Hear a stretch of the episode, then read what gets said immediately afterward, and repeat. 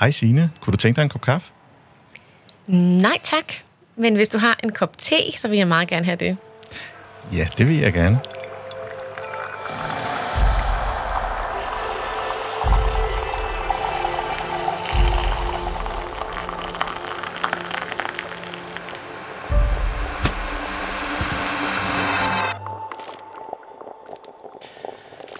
Hej og velkommen til podcastprogrammet Kaffe og Ledelse. Mit navn er Ejhan Gomes, og jeg er podcastvært. Hvordan ser ledelse ud i det digitale arbejdsliv? Den digitale transformation, som alle organisationer står overfor, stiller nye krav til virksomhedens direktion og landets politikere. Når teknologien møder virkeligheden, forandrer det ikke kun hverdagen, men hele den sektor eller branche, man er i. Desuden kan det have sit impact til velfærdssamfundet og til sidst på lederens mentale sundhed. Hvis digital ledelse ikke allerede står øverst oppe på topledelsens agenda, så er det vel på tide, at den kommer derop. Den digitale transformation handler langt mere om bare at digitalisere, og det er alt for vigtigt til bare at blive overladt til IT-afdelingen alene. Det er jo her, kæden vil hoppe af, da det digitale arbejdsliv ikke kun handler om hjemmearbejdsplads og hvilken IT-platform man arbejder på. Det handler om tilhørsforhold og sammenhold ved det virtuelle samarbejde. Hvordan sikres et hybridarbejde, der medvirker til god trivsel for lederen og for organisations evne til selvledelse? Vi sætter ledelse og det digitale arbejdsliv på dagsordenen, og i den forbindelse er min gæst i dag Sine Bjørk Lyk, der er projektleder for Future Work Lab, hvor der arbejdes med den mentale sundhed i fremtidens digitale arbejdsliv. Velkommen til, Sine. Tak. Hvordan står det til med det digitale arbejdsliv i dag? Øhm, det står sådan til, at det er alle steds nærværende. Øhm, det har jo i virkeligheden været i gang i over 30 år. Og øh, digitalisering er jo sådan et bredt begreb, som, som ingen helt ved, hvad dækker over. Øhm, og, øhm, og det betyder en hel masse forskellige ting på, for måden, vi arbejder på.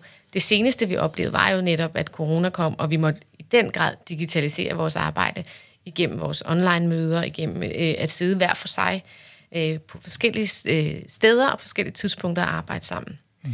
Det jo, har jo været digitalisering i sin, i, i sin yderste grad på en eller anden måde.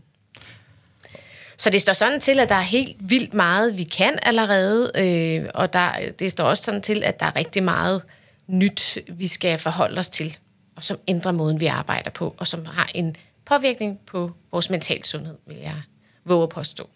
Og det bliver en rigtig spændende samtale, vi skal bruge den næste lille time på. Og inden vi kommer alt for godt i gang, så skal vi jo lige have en lille snak om, at øh, du vil ikke have en kop kaffe, men vi skulle have te i stedet for. Ja. Så hvad er det for en te, vi har fået i dag, Signe? Jamen det her, det, er, øh, det hedder faktisk en påskete. Det er jo lidt uden for sæson, når vi står her i sommeren, men den smager godt. Øh, det er en grøn te, øh, der smager meget frugt, og grunden til, at jeg siger nej tak til kaffe, det er simpelthen, fordi jeg ikke kan tåle det. Mm. Og det skaber øh, tit øh, øh, sjove, sociale, akavede situationer. Det der med, at jeg afviser kaffe, det er faktisk ikke helt sådan... Det, folk synes, det er meget mærkeligt. Så sker der også tit det, altså, at man bruger ordet, eller man bruger, skal vi tage en kop kaffe som sådan et form for koncept, altså vi mødes og snakker uforpligtende, ligger der ligesom i det. Så det skriver jeg faktisk til folk stadigvæk, selvom jeg ikke skal have kaffe. Ja. Øh, men det er altid lige sådan en, en, nå, drikker du kaffe? Altså, hvad gør vi så, øh, øh, når jeg er ude i sociale sammenhæng? Det er lidt sjovt, øh, på en eller anden måde, at det fylder noget. Så er der nogen, der også synes, at kaffe og te er på en eller anden måde konkurrenter, øh, og te er kun noget, som syge mennesker drikker. Det, det har jeg egentlig aldrig forstået, hvorfor to drikke på den måde skal være konkurrerende. Øhm, men det er altså derfor, jeg, jeg sagde nej tak til kaffe, og ja tak til en te. Og i den forbindelse, så tror jeg, at programmet i dag hedder Te og Ledelse. Det kan jo øh. give helt nye, uanede perspektiver på det her program. Ja, jeg må have lavet et nyt logo. ja, som minimum. Og så sidder vi jo her inde i Finansforbundet, hvor du også øh, dagligt har din gang. Øh, kan du prøve at beskrive det rum, vi er i? Jamen, det her rum er et studie, et, øh, både et tv-studie og et lydstudie, hvor, hvor, hvor Finansforbundet bruger det til at lave podcast og, og arrangementer, online arrangementer til deres medlemmer. Ja, og du spurgte mig, om, om øh, jeg vil bruge det eksisterende udstyr, så tænkte jeg, nej, jeg vil hellere have mit eget. Øh, så kom nørden op i mig. Det kan jeg godt forstå. Udstyr er ikke at spøge med. Øh, nej. Apropos teknologi og digitalisering. ja, det var måske min te. Jamen, lad os, lad os få en slurk af den gode påske-te. Ja.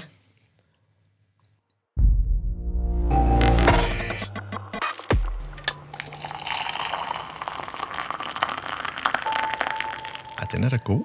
Ja, det er pænt af dig at sige. Jeg ved, Ja. det er svært for kaffedrikkere. Nej, nej, jeg, altså nu kan man sige, jeg har jo rødder øh, i Mellemøsten, så, så vi, vi er mere til sådan bitter mørk te, men øh, jeg Ja. ved, min, min datter er meget puka-te-elskende.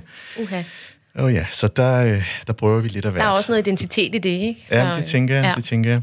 Men jeg synes også, det er værd at bemærke, at, at du har også en særlig opskrift til ikke at, altså det er jo bare te for dig. Øh, vandet skal have en bestemt temperatur. Ja, altså mange ved ikke, at grøn og hvid te skal have 80 grader varmt vand. Ja. Ellers så ødelægger man antioxidanterne i teen, og så kommer det til at smage bittert og træls. Og så skal man bruge lidt mindre te, end man tror. Ja. De fleste putter for meget te i, og så bliver den også dårlig. Så fik I også den derude. Ja. Øhm, det blev sådan teens univers. Ja, skal vi hoppe ud i det? Ja, det må vi hellere. Ja. Øhm, du kom ret meget fint ind på det digitale arbejdsliv, og hele det her med misforstået og kalde det digitalisering.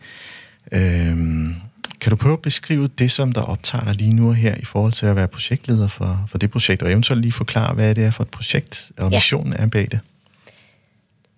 Øh, Future Work Lab handler om, at vi prøver at øh, finde nye øh, måder, hvorpå vi kan styrke den mentale sundhed i fremtidens digitale arbejdsliv.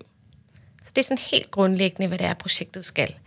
Og det vi gør, det er, at vi sammen med øh, finansielle virksomheder laver eksperimenter. Det vil sige, det er seks uger, hvor øh, et team eller to teams gør noget nyt, eller de stopper med at gøre noget, de plejer at gøre, mm. eller de, øh, vi, vi justerer på en lille ting i deres hverdag i de seks uger. Og så følger vi dem, og vi justerer undervejs, og vi evaluerer, og finder ud af, hvordan var det at arbejde på den her måde. Hvad, var den, hvad gjorde det ved, ved øh, måden, vi arbejder på, ved den mentale sundhed. Mm. Med mig på projektet har jeg øh, syv eksperter. Der er øh, de er PhD'er, alt muligt forskelligt. Øh, to af dem er følgeforskere, som følger de her eksperimenter og, og sørger for, at vi får samlet så meget øh, viden og læring op som muligt, fordi det er faktisk også vores ambition om, at det skal øh, komme så bredt ud som overhovedet muligt. Øh, så det er ikke bare den finansielle sektor, der får glæde af det her, men faktisk alle, mm. øhm, der er interesseret i det. Grunden til, at vi er startet i den finansielle sektor, kan man sige, det er, at det er en sektor, der er meget digitaliseret. På den måde kan de, er de lidt foran mange andre øh, sektorer, og, øh, og de er også interesseret i at jeg skal sige, give den viden, de har, i og med, at de er øh, lidt længere fremme på den front, videre til nogle andre. Så det er sådan helt projektet i sin essens, kan man sige. Er, der noget, er det noget, der voksede i forbindelse med coronaen øh, og hjemmearbejdsplads? Er der noget Nej, der? det er faktisk startet et godt stykke tid før. Okay. Øh, flere år før. Øh, og det er, øh, det er lidt interessant, da der så corona ramte, så kom der ordentlig vind i sejlen, skal jeg hilse at sige. Og øh, jeg var blæst helt bagover alt det data, som jeg sådan tænkte, gud, der er så meget spændende data i det her, der foregår lige nu, øh, som er relevant for det her projekt. Så man kan sige, at corona kom til at fylde mm. øh, på den måde, at alle har bakset med det her med hybridarbejde. Altså, i starten kan jeg huske, der kunne vi ikke engang finde ud af, hvad vi skulle kalde det. Og jeg spurgte sådan ud, hvad, hvad kalder I det? Kalder I det hybrid? Eller, sådan, det er jo ikke bare hjemmearbejde, det er jo det der med, at vi arbejder på forskellige tidspunkter på forskellige steder. Øhm, og vi mødes ikke fysisk. Så det, hvad kalder vi det? Altså sådan, og efterhånden, så, så blev det sådan hybridarbejde, der vandt indpas øh, i, i, i den måde, vi taler om det på. Ikke? Mm. Så, og det kom til at fylde rigtig meget. Vi har lavet flere eksperimenter omkring det her med hybridarbejde, fordi det vi jo hurtigt også oplevede under corona, det var jo, at fællesskabet og tilhørsforholdet og teamfølelsen, den kom under pres, når ikke mm. vi sås fysisk, og når vi sad der hver for sig øh, på forskellige steder og tidspunkter. Så to af eksperimenterne, vi har lavet, har handlet om det. Og det tror jeg ikke, det havde gjort, hvis ikke der havde været corona, kan man sige. Så, øh, så, så pandemien har haft betydning for projektet på den måde. Ja, fordi den del er jeg faktisk rigtig meget interesseret i. Øhm, og du har, ja, jeg kan, kan jo huske det selv som leder i en kommunal organisation, og så lukkede vi Danmark ned, og vi skulle prøve at finde ud af, hvem og hvordan og hvorledes hjemmearbejde. Der var både angst og frygt i forhold til, om man kunne løse sine arbejdsopgaver, og så hele det her med at blive syg, øh, blev også selvfølgelig en agenda. Ja. Øhm, og i dag har jeg en fornemmelse af, at, at øhm, vi, når vi taler hybridarbejde, så taler vi om den effektive arbejdstid, hvor, hvor vi faktisk kan få udført mere, når man sidder uforstyrret hjemme, Ja. på nogle, selvfølgelig nogle, nogle enkelte områder. Synes du, at øh, den mentale sundhedssamtalen, at, at den er fraværende i al den snak? Øhm, nej, jeg så oplevede faktisk, at mental sundhed er kommet højere op på dagsordenen, end det har været. Øh, og det tror jeg, det kommer til at være de næste mange år. Øhm, øhm, det, der skete med corona, var jo også, at vi oplevede lige pludselig, hov, der var andre måder at gøre det her på. Det var jo et kæmpe wake-up call. Vi behøver faktisk ikke gøre det, vi har gjort altid. Den måde, vi har arbejdet på, er jo tilbage et levn fra industritiden, hvor man mødte ind, stemplet ind, og, og man lavede kun noget, hvis man var der. Mm. Øh, og så gik man hjem, og så skulle man forestille sig fri. Og det, det, er jo, det er jo en totalt mærkelig måde at arbejde på for mange mennesker i dag. Et eller andet sted, når man ser på den måde, det vi laver, og, og det som især vidensmedarbejdere, de laver. Mm. Og måden, de, de kan gøre det på. Øhm, så altså, øhm, det der wake-up call med, at vi kan gøre det på en anden måde, betød jo også, at vi lige pludselig fik ord for det der med, at der er nogen, der ikke har trives i den måde, vi har arbejdet på tidligere. Men jeg tror, når jeg ser tilbage på det, at vi var i nogle forskellige faser. Altså det der med effektiviteten har fyldt rigtig meget. I starten var lederne bange for, okay, bliver der lavet noget? Det fandt vi ret hurtigt ud af. Det gjorde der. Vi ville faktisk nogle gange lavet mere, når vi sad derhjemme og var uforstyrret. Fedt mand. Og så var der bare nogen, der løb all in på det. Så fandt vi ligesom også ud af, okay, det er faktisk lidt svært at, at, at, have det der med tilhørsforholdet og sammenhængskraften, når ikke vi ses. Hvad søren gør vi med det, ikke? Og så måtte vi i gang med at være kreative med online fredagsbar og alt det der, hvad vi nu kunne på det tidspunkt. Ikke? Og det var på, på nogle måder ganske frygteligt, men det var trods alt et forsøg. Øh, og noget virker godt, og noget fandt vi også ud af ikke virkede. Det er også i orden. Men, øh, men så er vi ligesom kommet ind i den fase, hvor man sådan ser, okay, der er altså noget her, vi, vi, vi taber øh, ved at sidde derhjemme og arbejde, selvom vi bliver mere effektive. Og det tror jeg, at ledere, det oplever jeg, at lederne har håndteret meget forskelligt. Mm. Øh, nogle har tænkt, det er fedt det her, og øh, det kører bare. Øh, og andre har følt sig øh, mærkeligt til mode, fordi de er vant til at lede fysisk. Altså, er, det er den fysiske tilstedeværelse, der gør forskellen, når de har set mine medarbejdere, jeg har hilst mm. på dem og sådan nogle ting. Og, øhm, og, så, og så er der dem, som sådan har sådan, I skal komme ind, for jeg kan slet ikke overskue jer, hvis ikke I er her, og jeg ved, det hele falder fra hinanden, hvis ikke vi ligesom er fysisk. Så der er begyndt at være sådan forskellige forgreninger ud fra den oplevelse, vi har haft der i, i coronaperioden, sådan som jeg ser det. Okay, altså kan du prøve at komme med nogle eksempler på sådan yderpunkterne i jeres undersøgelse? Jamen, der er, øh, der er nogen, som har lavet den der med, vi skal slet ikke arbejde hjemme. Alle mm. skal ind hele ugen. Øhm, så er der dem, som er begyndt at sælge øh, kvadratmeter fra, fordi de kan se, at de kan spare penge. Fordi øh, hvis vi sender folk hjem og arbejder to dage om ugen i gennemsnit, så behøver vi ikke så mange skrivebord, så behøver vi ikke så meget plads. Så af den grund er der nogen, der har, der har solgt kvadratmeter fra, mm. øh, og beder, altså siger til folk, du skal arbejde hjemme to dage om ugen. Og så er der nogen, der prøver alle mulige mellemveje. Øh, jeg har hørt om så mange forskellige idéer om, at Nå, så, så, så, så mødes vi om onsdagen, eller så gør vi, øh, så gør vi sådan her, så skal man koordinere. Altså, og jeg oplever, at folk prøver rigtig mange forskellige løsninger af, og det synes jeg er rigtig godt, fordi der er ikke en løsning, der er den rigtige, og det er det virkelig svære i det her. Mm. Det er, at der er ingen stor svarbog, der har det rigtige svar. Der er kun det der med, hvem er vi, og hvordan arbejder vi sammen her? Og hvad ja. tror vi på virker, og hvad oplever vi virker? Er der, er der, en, er der sådan i, i undersøgelsen en form for aldersbestemthed i forhold til, hvem er mænd, kvinder, det kan være, det kan ja. være unge og ældre. Altså er der noget, der sådan særprægende sådan stikker af i forhold til netop at være modstander for hybridarbejde? Vi kan se, at de unge, mange undersøgelser viser, at de unge trives dårligst med det her med hybridarbejde. Og, øh, de helt nyuddannede, der kommer ind på arbejdsmarkedet, og så kommer ind til sådan en halvtomt kontor hver dag, det er altså benhårdt mm. for den mentale sundhed. Fordi for det første er der noget sammenhold, som man ikke... Altså, man bliver nødt til at lære folk at kende, før man er med i, i, i det fællesskab. Og, og det gør man ikke, hvis ikke man har en eller anden struktur for det. Det kan godt være online. Det giver nok noget andet at være fysisk. Men, men hvis ikke man har en struktur for at lære hinanden at kende, når der kommer en ny, så, så bliver man lidt efterladt. Ja. Og så er der hele sådan den der med at lære af hinanden og se, hvordan arbejder de, og hvordan gør de, og de kunne hjælpe hinanden sådan lidt mere øh, uformelt. det, det forsvinder også, og det gør det altså rigtig svært for de unge nyuddannede.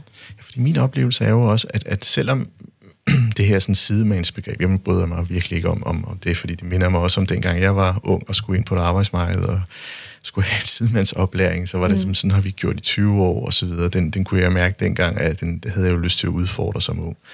Så, så det er sådan et begreb, der sidder godt og grundigt fast i mig, som ikke noget værende godt. Men jeg har ikke et andet ord. øhm, altså, en ting er, at man fortæller en ung, som er startet i sit nye arbejde, i, i en given uddannelse, som de har gennemført, at øh, det er sådan, de skal gøre. Men der er jo også det, at man også observerer ting, som man ikke nødvendigvis hører, men man ser. Øh, og det tager man jo fra nogen, øh, fordi det bliver jo, kan man sige, en lille smule mere handicappet, når man kun ser hinanden på video, og så ja. er det egentlig bare overkroppen. Man fornemmer ikke rummet, man fornemmer ikke øh, duftene, man fornemmer ikke øh, stemninger. Og, og så de her sådan, øh, altså møder bare generelt blev kortere, fordi de var virtuelle. Øh, og i starten kan jeg huske selv, at, at øh, det var jo fedt, fordi så fik vi da fyret mere af på kortere tid. Øh, og der glemte vi bare at huske, for det, jeg er fuldstændig enig, der kom mm. de her fællesskabs øh, bingo, kom øh, en ting, jeg ikke brød mig om, det var fødselsdagssang virtuelt. Nej, det er frygteligt. At synge sammen øh, øh, online, det er frygteligt. Altså, det, var, det skal man ikke udsætte nej, hinanden for. I grinte. Øh, og så bliver man sådan lidt misundelig, fordi DR kunne sagtens få det til at fungere, men øh, de har sikkert snydt. Øh, ja, nå, det var lige sidespring. Og hvis vi sådan dykker lidt mere ned i den, den mentale sundhed, øh, er der noget i jeres sådan senere undersøgelser, som I har, som sådan, hvor, hvor du synes, Gud, er det sådan, det ser ud? Er der noget, der sådan, øh, har givet dig en forstyrrelse af, af, af en karakter, hvor du tænker, det havde jeg ikke regnet med? Øh, jeg tror generelt, det er for tidligt at konkludere noget omkring det her endnu. Okay. Altså, vi bliver nødt til at, at se noget i et længere... Vi er nødt til at se det her hybridarbejde i et længere perspektiv. Hmm.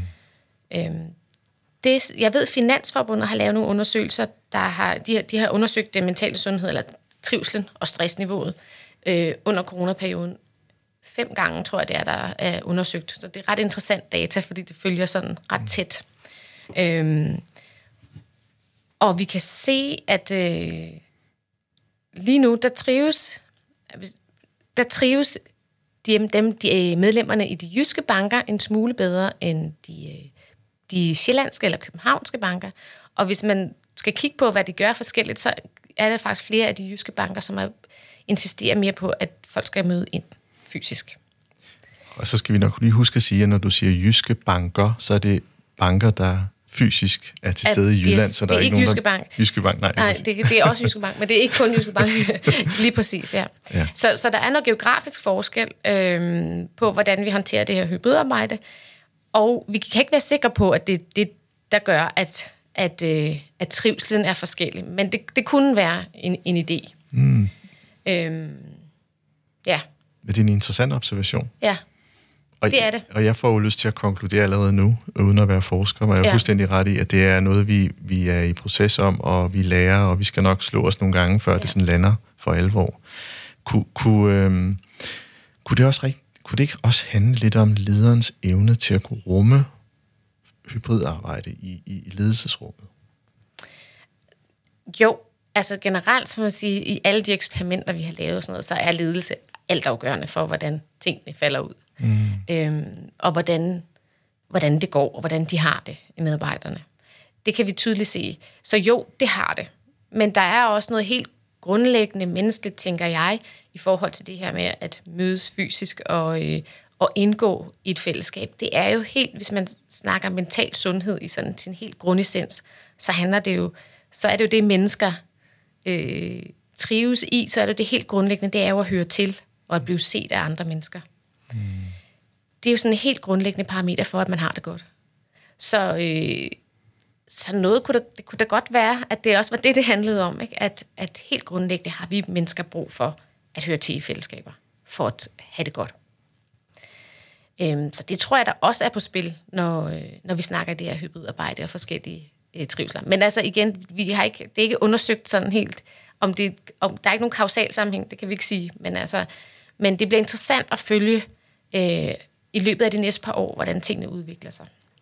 Ja, det er det. Er det. Jeg, og jeg synes, der er sådan nogle gange en, en fallback-tendens. Jeg synes, efter vi øh, åbnede op efter første nedlukning, så, så var der en, en stor tendens til at hoppe tilbage til det gamle, i et forsøg på i hvert fald. Og så gik der et stykke tid, hvor, hvor, hvor sådan organisationer rundt omkring begyndte at vende sig til tanken om, efter de havde taget det øh, op i med og, og så videre, øh, at, at der, var et, der var et ønske også fra medarbejdersiden til at, at have en eller anden form for fleksibilitet, for det synes de egentlig var ret fedt. Ja. Øh, der er jo en kommunes øh, fleksibel fredag, Solrød, øh, som har lavet den del, ja. og, og også promoverer den, og egentlig også godt brand, når man mm. tænker, at man har brug for os.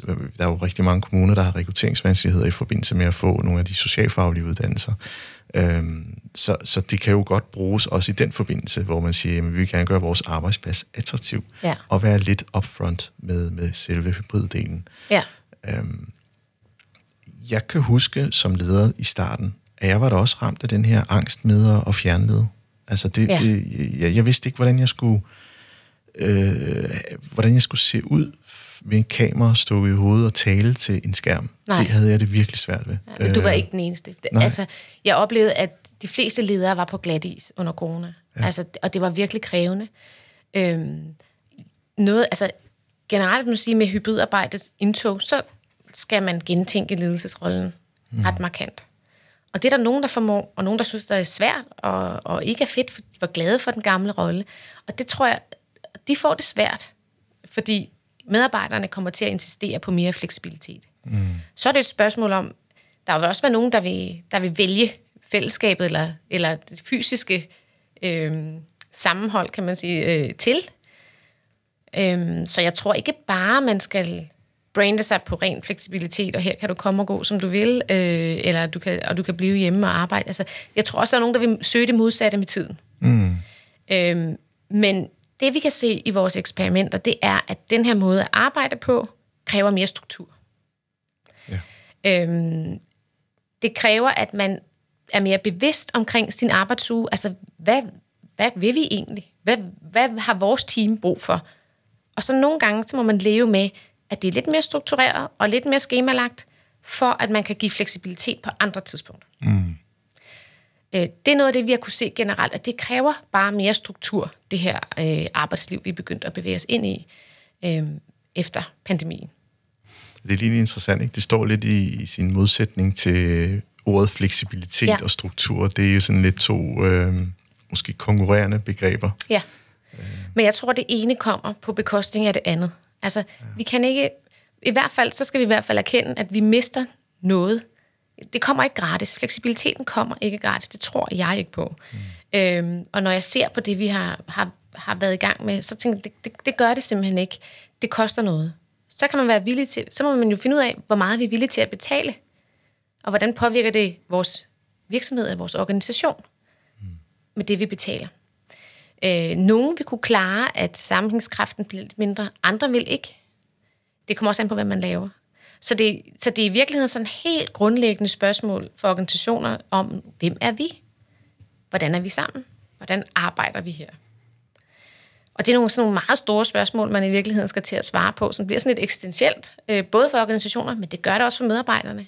Hvem er jeg? Hvad er det egentlig, jeg vil med mit liv? Vil jeg, vil jeg høre til? Øh, vil jeg være i, i, i et sted, hvor der er et stærkt fællesskab, hvor vi mødes, og så koster det. Så kan jeg ikke være så fleksibel, som, som jeg kan, hvis jeg giver noget af det der væk.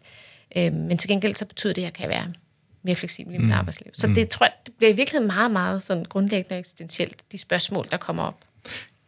Ja, fordi det, det, det er jo også, øh, nu, nu, nu er der jo øh, den mentale sundhedsundersøgelse, øh, som er, som er egentlig baseret, hvor de unge blandt andet ikke trives særlig godt, og det har været ja. en nedadgående kurve, særligt for, for piger mellem 16 og 24. Ja.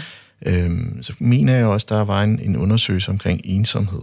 Øhm, det er jo ting, der kan blive forstærket, hvis man netop ikke har helt styr på det her. Ja. Øh, man kan sidde derhjemme, og vi spejler jo på hinanden, når vi ses, og det smitter. Der er jo en, både en glæde, der kan smitte, og altså også en vrede, som om man vil. Mm. Øh, men det er, jo, det er jo del af en arbejdsplads og miljøet, med, at der kunsten ændrer, ændrer sig på gangen, og duften fra kantinen, og, og det her med at lige sidde og lande på et kontor, hvor, hvor nu er vi her, vi er sammen om noget, øh, vi sidder i samme rum og skal drøfte det. Mm. er jo psykologiske greb, som, som virker. Øh, jeg, jeg, jeg sådan, der er det her med, med rammen og rummet, øh, hvordan man får det defineret, når det er virtuelt, fordi mm. det må være svært. Øh, jeg kan huske for mig selv, at, at når vi taler om tværorganisatoriske opgaver, eller noget, vi skal diskutere og drøfte, mm. så var det enormt svært at tage det virtuelt. Der er vi ja. brug for at være i rummet, for vi skal være, der skal være brug for at være uenige. Øh, og, og den der følelse, der, der, der, der, der voksede i mig, var at slukke kameraet, og så have, jamen, hvordan har vedkommende det nu? Ja. Landede det her rigtigt? Ja. Og det kan man jo ikke, når det er virtuelt, men det kan man, når man er i sammen med dem efterfølgende. Ja. Eventuelt drikke en kop kaffe, eller gå ned i kantinen, og så øh, typisk efter... Øh, den der eftertænksomhed, man har om tingene. Øh, det er jo svært at mærke mellem linjerne, ja, ja. Øh, når man sidder online. Det, det, det, det går man glip af. Så, så er der noget i jeres undersøgelse, der viser, at lige præcis de her opgaver, de, de bliver fremmet af, af, af det, det, det virtuelle univers, hvor, hvor er der bare de her opgaver er fuldstændig no-go. Øh. Vi har ikke været inde og kigge på opgaver som sådan. Nej. Det ved jeg, at der er, øh, er nogen, der er klogere på end os i hvert fald. Der er en, der hedder Lise Dahl Arvidsen, der har skrevet en PhD omkring det her med, med hybridmøder og virtuelle møder. Ja. Hun ved en hel masse om det. Det kan man kigge på hos hende. Men det, jeg faktisk tænkte på, var, at og jeg har et konkret eksempel på et af de ja. eksperimenter, vi lavede, øh, som handler om det her med det hybride arbejdsliv. Og det var et øh, team i Top Danmark, som var placeret på fire forskellige adresser i Danmark. Og de har været hybride i noget tid, inden corona. Så de havde ligesom fået luet de værste børnesygdomme ud. Øhm, og derfor var det lidt sjovere at arbejde med for os. Fordi vi kunne ligesom tage det skridt videre. Vi, de var vendet til, at folk sad på forskellige adresser. Ikke? Mm.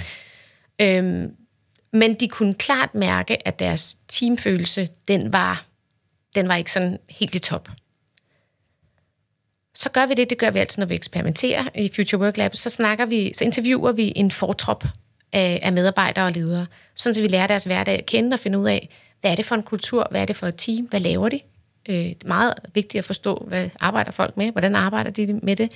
Og, øh, og så ud fra det, så lavede vi, designede vi et eksperiment, som havde den grundtanke, at vi, by, vi lader det digitale være grundstenen i fællesskabet, og så kommer det fysiske ligesom ovenpå. Vi har en tendens til altid at tænke det omvendt, at vores fællesskab er funderet i det fysiske, og så kommer det digitale ligesom ovenpå. Øh, og det prøvede vi at vende om. Og det gjorde vi ved at indføre to små, to korte møder i løbet af en uge. Det var sådan set ikke møderne, altså møderne er, er, er simple, og, og det, det varede et kvarter. Om tirsdagen, der øh, tjekkede de ind og sagde, jeg snakkede om øh, opgavestatus, hvor var det rød, gul, grøn og så videre. Og om torsdagen, der var det et frikvarter, der må man snakke om hvad som helst. Men ideen eller fidusen bagved var strukturen. Reglen var altid kamera på. Mm. Det, tog, det var rigtig svært at overbevise folk om, at de skulle have det kamera tændt. Men det er meget afgørende for, hvis man skal lære hinanden at kende, at man kan se hinanden. Ja. Så var det øh, maks seks i en gruppe. Fordi kommer vi over seks mennesker i et online eller et virtuelt øh, møde, så bliver det svært. Så er der nogen, der begynder at, at være passiv, og man ved godt sådan et møde, hvor der er 30 på, der er bare sådan, okay, jeg sidder bare herover og der er ingen, der opdager, om jeg har slukket kameraet eller hvad. Ikke? Så seks mennesker max i, i samme rum. Og så havde vi lavet en struktur for, hvem, hvem starter samtalen, hvordan, hvordan er der, sådan, så der ikke var sådan en akavet øh, øh, tavstid eller uvidshed omkring, hvad der skulle ske. Mm. Det har vi lavet sammen med teamet. Og så efter to uger, så skiftede vi grupper. Sådan så, at man snakkede med nye øh, i sit team. Og det var i bund og grund bare det. Og det her team fortæller, at det har gjort så stor forskel på, øh, hvordan teamet arbejder sammen, og hvordan de har det, og den der følelse af at være team. For første gang lærte de hinanden at kende på tværs af adresserne. Det betyder, at man også, altså hvis jeg skal kunne spørge om hjælp, så skal jeg vide, hvem du er, og, og hvad du laver. Hvis ikke vi kender hinanden, så er det ret usandsynligt, at vi rækker ud og spørger om hjælp øh, i en arbejdsopgave, eller, eller sender en opgave. Ved du, det her, hende er faktisk meget bedre til end mig, fordi hun har siddet med det i tre år. Mm. Det ved man ikke, hvis ikke man kender hinanden. Så, så det der øh, rum, vi fik skabt, hvor de kunne lære hinanden at kende, og de kunne både snakke om øh, frikvarter, øh, frikvartersnak og opgavesnak. Det gjorde, at vi har fået bundet det der team sammen på en anden måde. De kunne se, når de mødtes fysisk, så, øh, så satte de sig anderledes, end de plejede. De, satte sig, de plejede at sidde i deres kan man sige, fysiske kontor, ikke? Øh, dem, som de arbejdede sammen med, og nu begyndte de at blande sig, fordi de havde lært hinanden at kende på tværs.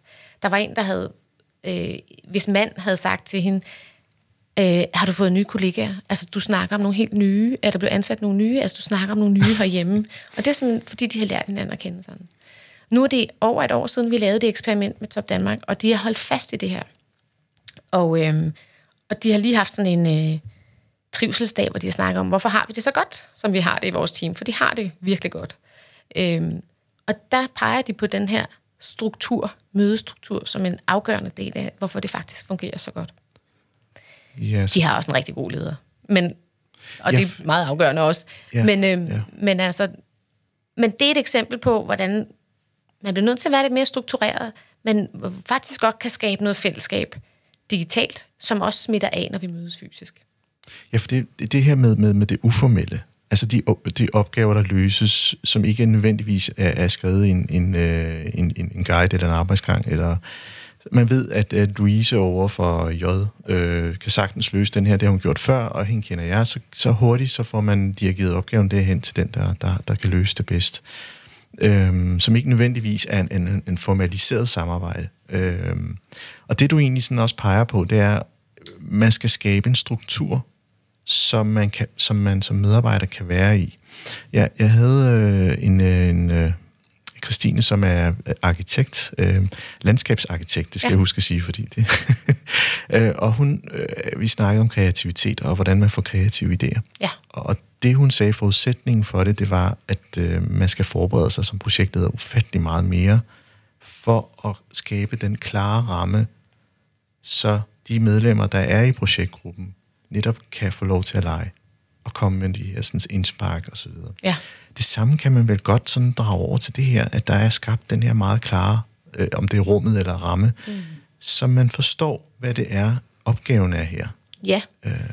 Og struktur, der gør, at, at, at der er nogle nedslag, altså det vi kalder det her eksperiment, hedder hybridpuls, fordi vi fik skabt sådan en pulsslag i teamet, som gjorde, at de fik, havde sådan en grundrytme, en fælles grundrytme.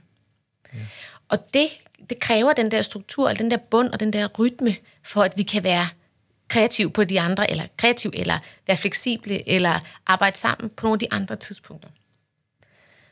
Øhm, vi har også lavet et andet eksperiment, som handler om det her med at skabe sammenhold i det forbud. Du skal lige sige noget først. Ja, fordi skal vi ikke tage en slurk af Jo. den påskete, så får vi drukket noget, Signe.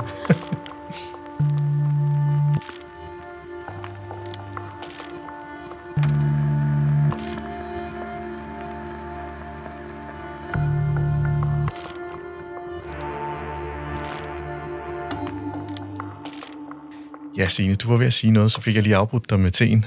Det gør ikke noget. Øhm, vi har lavet et andet eksperiment også, som handler om det her med, til, som er meget fokus på tilhørsforhold. Fordi vi kunne også se, altså hvis man arbejder hjemme, og hvis man øhm, ikke møder ind på et kontor, hvis ikke man ser sine kollegaer, så er det faktisk lidt lige meget, om man arbejder for Danske Bank, eller man arbejder for Nordea. Øh, altså det, det, så er det måske et mærke på computeren, der er forskelligt, men ellers så bliver det jo egentlig lidt ligegyldigt, hvor man er.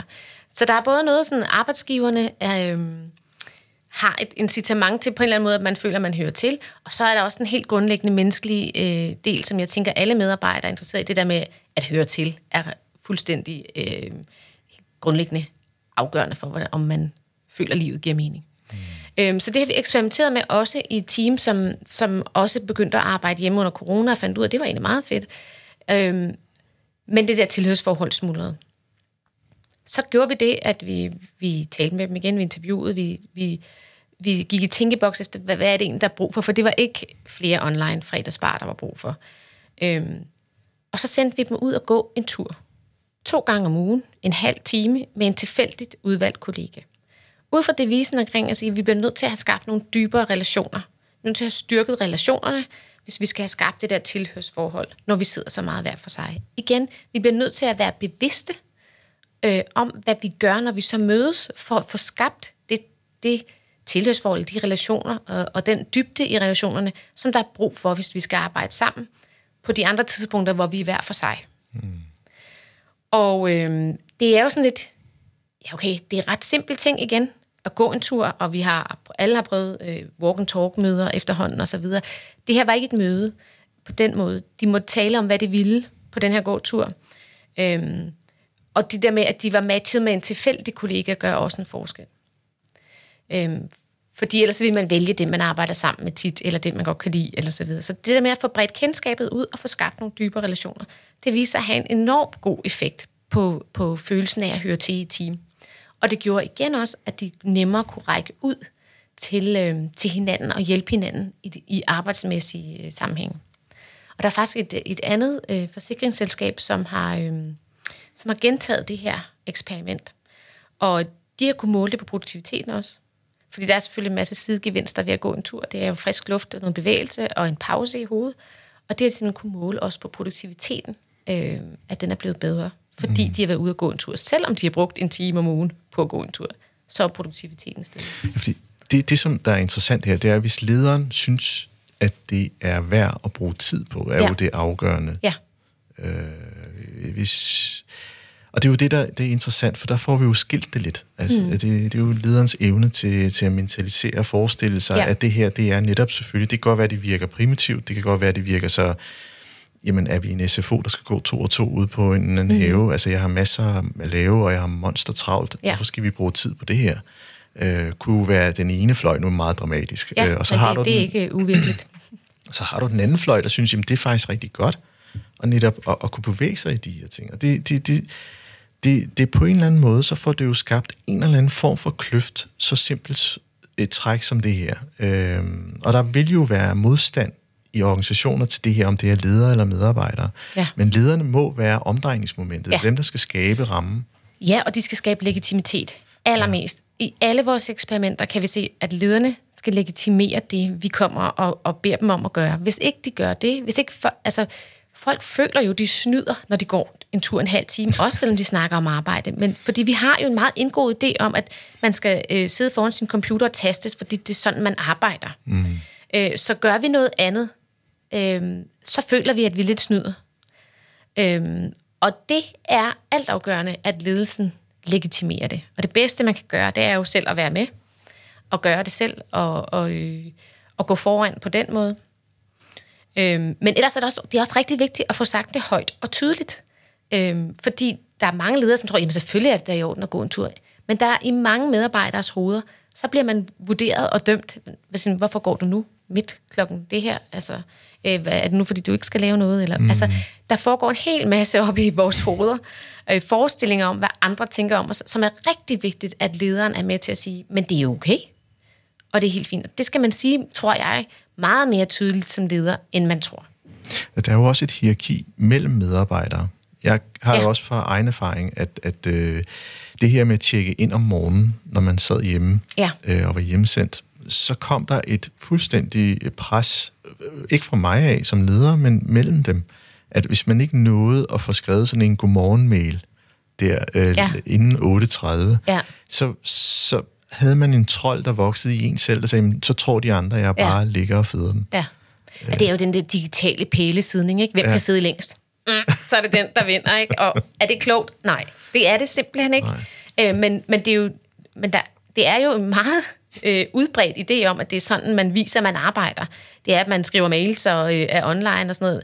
Men rigtig mange af vores jobs handler jo om at tænke og analysere og øh, udvikle, og det kan man jo altså ikke altid sidde foran sit skrivebord og gøre. Mm. Meget tyder jo faktisk på, at det går meget bedre, hvis man går en tur, og alle sådan nogle ting. Ikke? Men det er et opgør med måden, vi forestiller os at arbejde på, mm. øhm, og være legitimt. Og der er lederen bare fuldstændig afgørende. Der er noget, der sådan vender tilbage, ja. øh, som jeg lige får lyst til at, sådan at nævne. Du nævnte det her med, at der findes ikke en gylden vej for det her.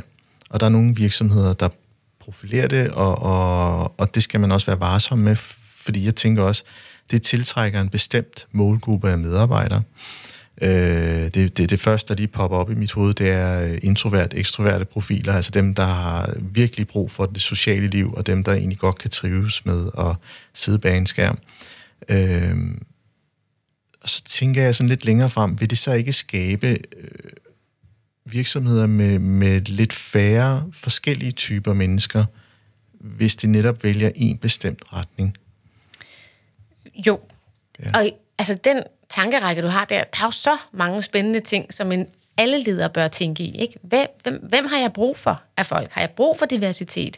Hvad har jeg brug for? Har jeg brug for et stærkt samarbejde øh, med, med stor psykologisk tryghed? Så bliver vi nok nødt til at mødes en gang imellem.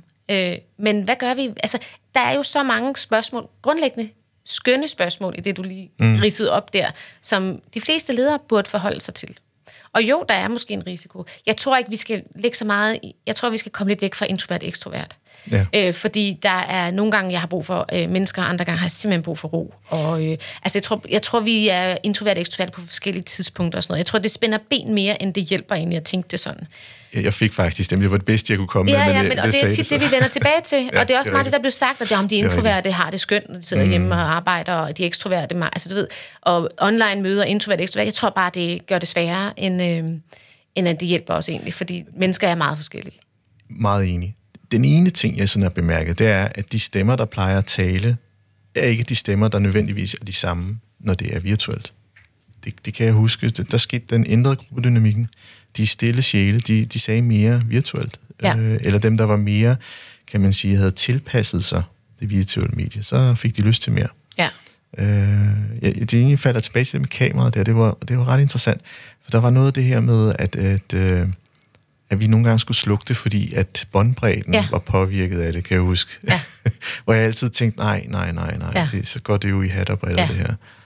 Jeg har engang holdt et øh, oplæg om Future Work Lab foran en skærm, hvor der var øh, 13 sorte felter. øh, altså indtil til sidst, nærmest på min græn, er der ikke en, der vil tænde kamera? Og så var der en, der tændte det, og jeg var lige ved, du ved, sådan, altså sende ham en buket blomster eller et eller andet, fordi det, var, det føltes frygteligt at stå ja, der og ja. altså, tale ud i ingenting. Altså, det, det, man skal overveje igen hele tiden. Vi bliver nødt til at være meget mere bevidste omkring, hvad er det for et møde, vi har gang i? Mm. Hvad har vi brug for, for at det her kommer til at virke? Skal der være kamera på? Skal der ikke være? Er det envejstagelse? Der er så mange ting, vi skal tage bevidste beslutninger omkring i det her hybride arbejdsliv, og det er krævende. Det er voldsomt krævende, især fordi vi er i, i, i øvefasen, ikke? Hvor, vi, hvor vi er i gang med at lære det på den, og vi lærte det på den hardcore måde. Ikke? Ja, det må man sige. Øhm, men til gengæld gik det også hurtigt med at lære det. Ikke? Ja. Skal vi have en slurk ja. af den gode te?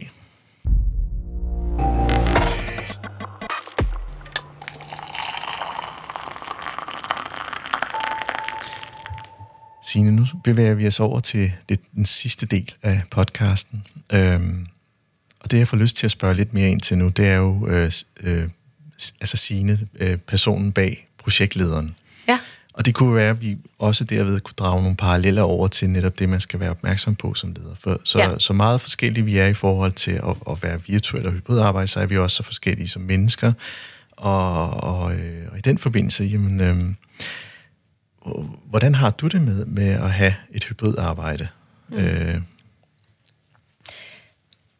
Jeg, har, det har, jeg synes, det har været en gave på mange måder. Altså det her med, at alle har lært online-møder, at kunne det det har været en gave, og det har gjort det meget nemmere for mig i det her projekt, hvor vi, har, hvor vi er enormt fragmenteret. Det er sådan et løst koblet netværk med masse mennesker, som har andre jobs, som også er inde over det her projekt. Så det er svært at samle folk, og vi mødes ikke naturligt på arbejdspladsen. Så hver gang jeg skal samle min flok, så er det lidt et arbejde, øh, og især for det til at passe kalenderne. Det er frygteligt, altså, øh, fordi de jo desværre har de der andre jobs. Ikke? Øh, så på den måde har det været en gave, synes jeg, at det der med, at det er så nemt, og at vi sparer transporten, det gør virkelig noget. Øh, det var svært i starten, og, og jeg startede det her projekt op øh, i coronatiden, så det, det var virkelig en udfordring, og jeg har, øh, jeg har lavet mange mærkelige ting, for at vi kunne lære hinanden lidt at kende. Jeg kan huske, at vi lavede sådan en, uh, tage et billede af dit kalenderlys, og så skulle man gætte, hvis kalenderlys der var hvis, ikke? Øh, og sådan nogle ting for at prøve at overleve lidt i det der øh, format. Ikke? Hvorfor gjorde du det? Jamen fordi, at det, online-møder bliver hurtigt enormt kedelige, mm. eller sådan ukreative på en eller anden måde. Øh, og så var det også, altså bare for at have det der menneskelige touch med ind over det. Mm. Øhm, og, og lære hinanden lidt at kende på sådan nogle lidt anderledes måder, ikke? Øhm, men man kan sige, nu når vi kommer ud på den anden side, og vi har lært de online-møder, og vi har, og vi i den her gruppe, vi er i Future Work Lab, har lært hinanden at kende, også ved at mødes fysisk, så er det en kæmpe gave, at vi kan sige, ved du hvad, vi skal bare lige snakke om det her. Vi mødes online. Mm. Vi kender hinanden. Det er fint. Øhm, eller det her, det er vigtigt, vi skal udvikle et eksperiment. Vi mødes fysisk. Altså, der, det synes jeg virkelig er fedt. Øhm, så det der med igen at bruge det bevidst, det, det, det, har, det, det, det synes jeg virker rigtig godt. Kan du huske den, dengang de første mange virtuelle møder, men man kunne næsten ikke have mere end to-tre stykker i løbet af en dag, så var man drænet. Ja. Øh, jeg kan i hvert fald huske det for Ja. mig selv. Jeg, jeg måtte ligge på sofaen for lige at finde ud af, Ja. ja. jeg, jeg følte, jeg var på overarbejde, men, men sådan fysisk. Ja, men det er der også det. masser af undersøgelser, der viser, at hjernen ja. er jo øh, toppresset, eller den er på arbejde, øh, selvom man bare sidder der og kigger øh, på skærmen på en eller anden måde. Ikke? Og, og den kons- konstruktion i, mm. dit, i det projekt, du er projektleder for, der er det jo sådan, at, at det består af jo, øh, forskere, som Ja. ikke nødvendigvis er fuldtidslønnede. Så, så det er jo også sådan en, en semi-frivillig i, i et initiativ, Ja. som, øhm, som også kan være svært for, for dig som leder at sige, hvordan mestrer vi så, nu skal vi, nu skal vi samles, nu skal vi... Ja, Øh, der sker jo det helt naturligt, at når jeg, jeg betaler øh, eksperterne på, på timebasis, de får ikke en særlig høj løn, fordi det er Vellivforeningen, der mm. sponsorerer hele det her projekt, øh, sammen med Finansforbundet, Forsikringsforbundet og øh, Finanssektorens Arbejdsgiverforening. Og Vellivforeningen har, det er en almennyttig fond, og derfor så har de sådan en regel om, at jeg må ikke give så meget i timen. Øh, så de får, de, det er ikke for lønnen, de gør det, kan man sige. Så det betyder også, at når jeg skal fakturere timer, og de skal, altså, de skal investere noget ekstra tid ud over deres arbejde i, i det her projekt, så kræver det, at jeg er rigtig skarp på, hvad vi gør, når vi mødes, og at vi er effektive, og at vi, eller at der er noget fremdrift, når vi mødes. Vi behøver ikke nødvendigvis være effektive, men i hvert fald, at jeg ved, hvad der skal ske, der er en tydelig dagsorden, og at jeg ved, hvor vi skal lande nogenlunde. Mm. Fordi ellers bliver det alt for hurtigt spild af tid. Mm. Deres tid, det gider man ikke, når man, er sådan et, når man, er, når man ikke er der for lønens skyld, så behøver det ikke øh, på den måde øh, et, et, tage lang tid. Og så, øh, og så er det jo også for mig, at det også får mest muligt ud af projektets penge. Ikke? mm, mm. Så øh, jeg har været enormt skarp på, hvordan, hvad er det, vi gør, når vi mødes. Og det ved jeg, at det er flere af dem, der har sat pris på det. Sådan, det er så dejligt, at vi altid har en eller anden nogenlunde tydelig endemål med et møde, for eksempel. Mange af de ting, som, som I støder på, er jo også begreber, I så lærer eller giver et navn til, eller hvad kalder man det her? Ja. Øh, hybridarbejde var en af dem, Ja. du lige sådan... Og dem er der jo rigtig, rigtig mange af i jeres projekt. Og, og Ja. det stiller jo rigtig mange krav til dig som leder, og skal hele tiden navigere et felt, hvor man bevæger ind i et rum, der, er- hvor lyset er slukket, og og nu skal jeg lige igen forestille mig, at det her, det skal kunne tåle, at jeg slipper lidt løs. Ja. Øh, eksperter, formodentlig, øh, antager jeg, har mange meninger, og der kan også være meget divergerende meninger, og det er jo netop mm. det, der skaber livet. Og navigere i det, samtidig med at være hjemsendt på, på, på den virtuelle skærm, Ja. så, så kan jeg jo, i hvert fald, hvis det var mig, så ville jeg tænke, puh, ja, det kan godt blive en tung dans nogle gange. Ja, og jeg ved faktisk ikke, om det virtuelle har noget med det at gøre. Altså, okay. generelt er det bare en... øh, en jeg overvejer altid, når jeg, hvor meget øh, der sker noget, når eksperterne debatterer sammen og snakker sammen og udvikler sammen. Så det er altid for mig et spørgsmål, hvor langt skal jeg køre? Lad debatten køre, øh, for den kan også godt sagtens ryge ud på et overdrev. Men, men, men jeg er meget konkret indrettet i mit hoved på mange måder, så jeg bliver meget sådan, det er fint, nu har vi snakket om det her. Hvordan får vi det så det oversat til den virkelige verden? Meget af den oversættelse har jeg også gjort, og nogle øh, enkelte eksperterne øh, øh, har gjort det mere end andre, kan man sige sådan. Øh, men jeg prøver også hele tiden at tænke, hvad er det, folk er gode til? Mm. Øh, og de er hver især gode til noget forskelligt, og det prøver jeg meget bevidst at sige, jeg har brug for det her. Hvem er det så af dem, jeg skal spørge om hjælp til det her, eller hvem skal stå for det her, og så videre. Mm. Så, så jeg har været meget, sådan, meget bevidst omkring, hvem af dem har jeg brugt til hvad. Ja. Øh, det har gjort det har gjort det nemmere. Eller bedre, tror jeg også, det har gjort. Men, øh, men, øh, men jeg oplevede faktisk ikke nødvendigvis, at det hybride gjorde forskel på det. Øh, eller at det, at, det, at det online gjorde forskel fra, øh, til det fysiske møder på det der måde. Okay. Men vi konkluderede, at det var meget, meget svært at udvikle øh, og, og, og starte det her øh, projekt online. Altså, Ja. det, var en, det var en glæde, da vi mødtes. Øh, de første par gange var det sådan virkelig rart. Jeg, gik simpelthen, jeg gjorde det, jeg gik ud under corona til hver enkelt ekspert og gik en tur med dem. Mm. Øh, så tog hjem til dem og gik en tur. Altså fordi jeg kunne ikke starte det her projekt som projektleder, uden at lære dem at kende på en eller anden måde fysisk, synes jeg. Og det er apropos de der byrder, man kan have, øh, Ja. som, som ikke er nødvendigvis sagte ord, men det er noget, der sådan... Ja, Ja, Og, og de- altså, jeg var ny projektleder, der var en før mig. Mm. Øh, og så jeg skulle ligesom også sådan øh, sige, her er jeg. Ikke? Så, og det, det synes jeg alligevel, øh, jeg, det krævede, at vi mødtes fysisk. Har du, har du haft nogle episoder, hvor du måtte ligesom sige, kære, kære projektgruppe, det her det er virkelig svært for mig?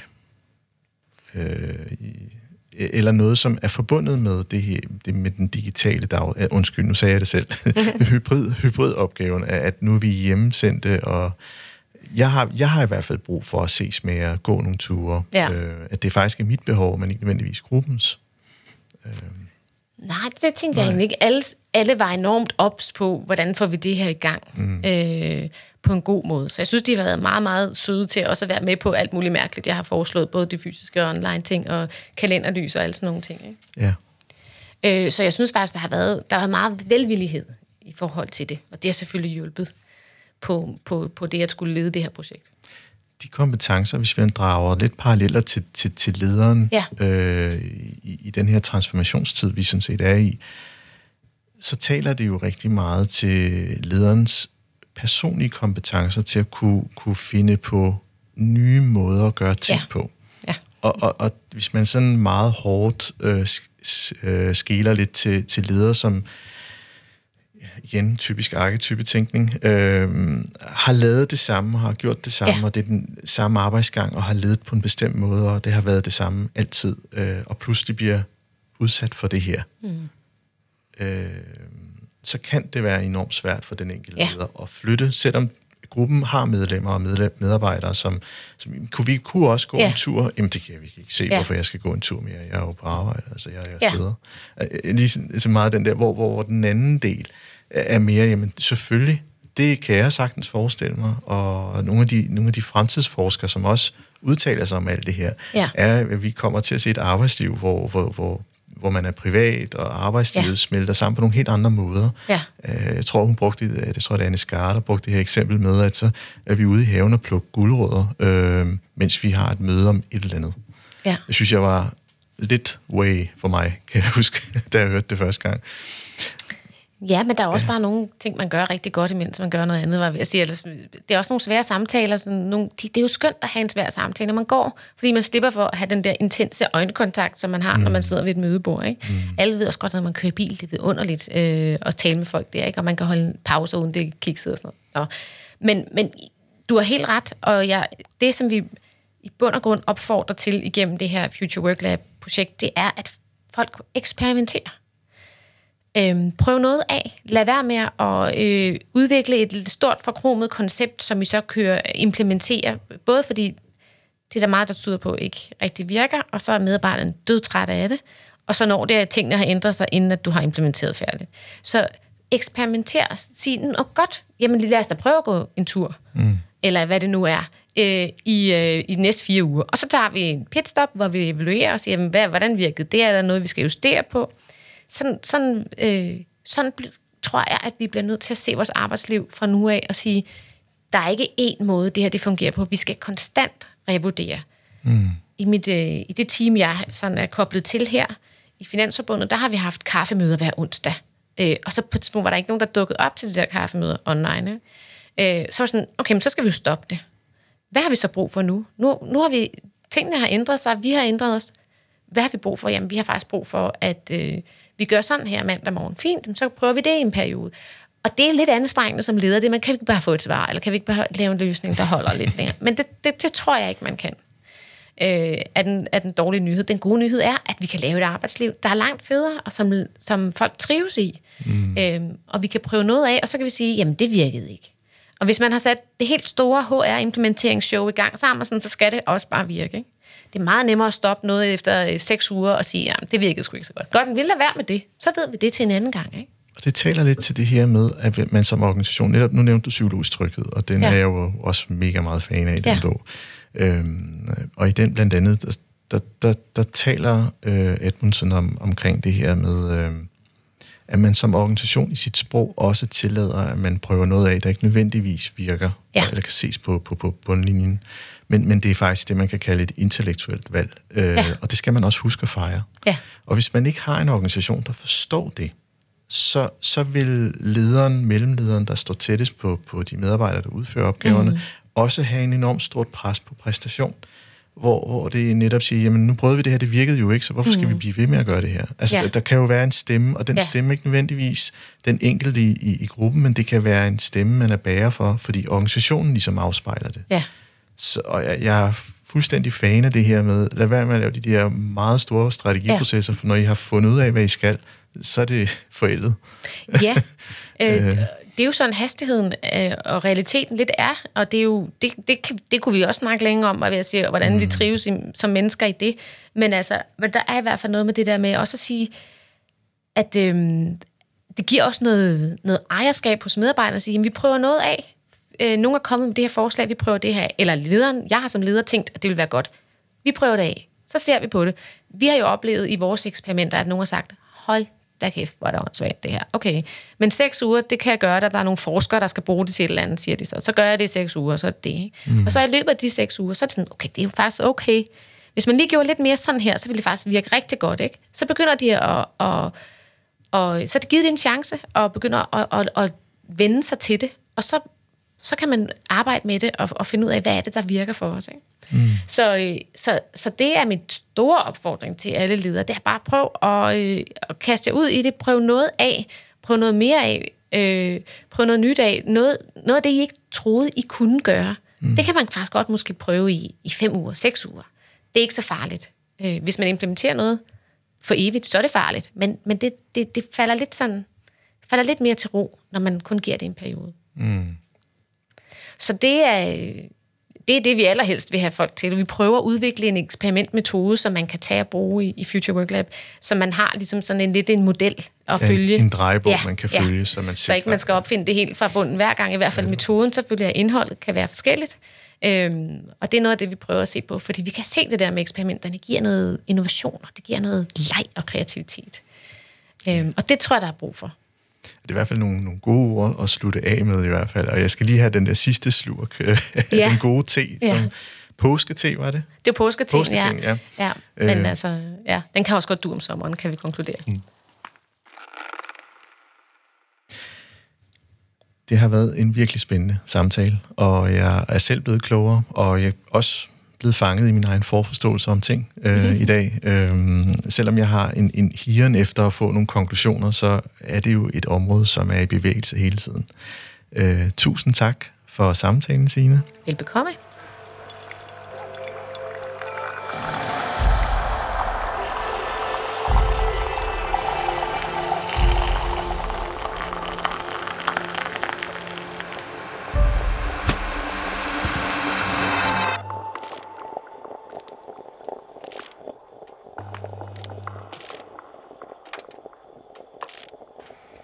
Lyttet til podcastprogrammet Kaffe og Ledelse. Ønsker du at lytte til flere afsnit? Gå ind på mindcloud.dk, hvor du har links til flere.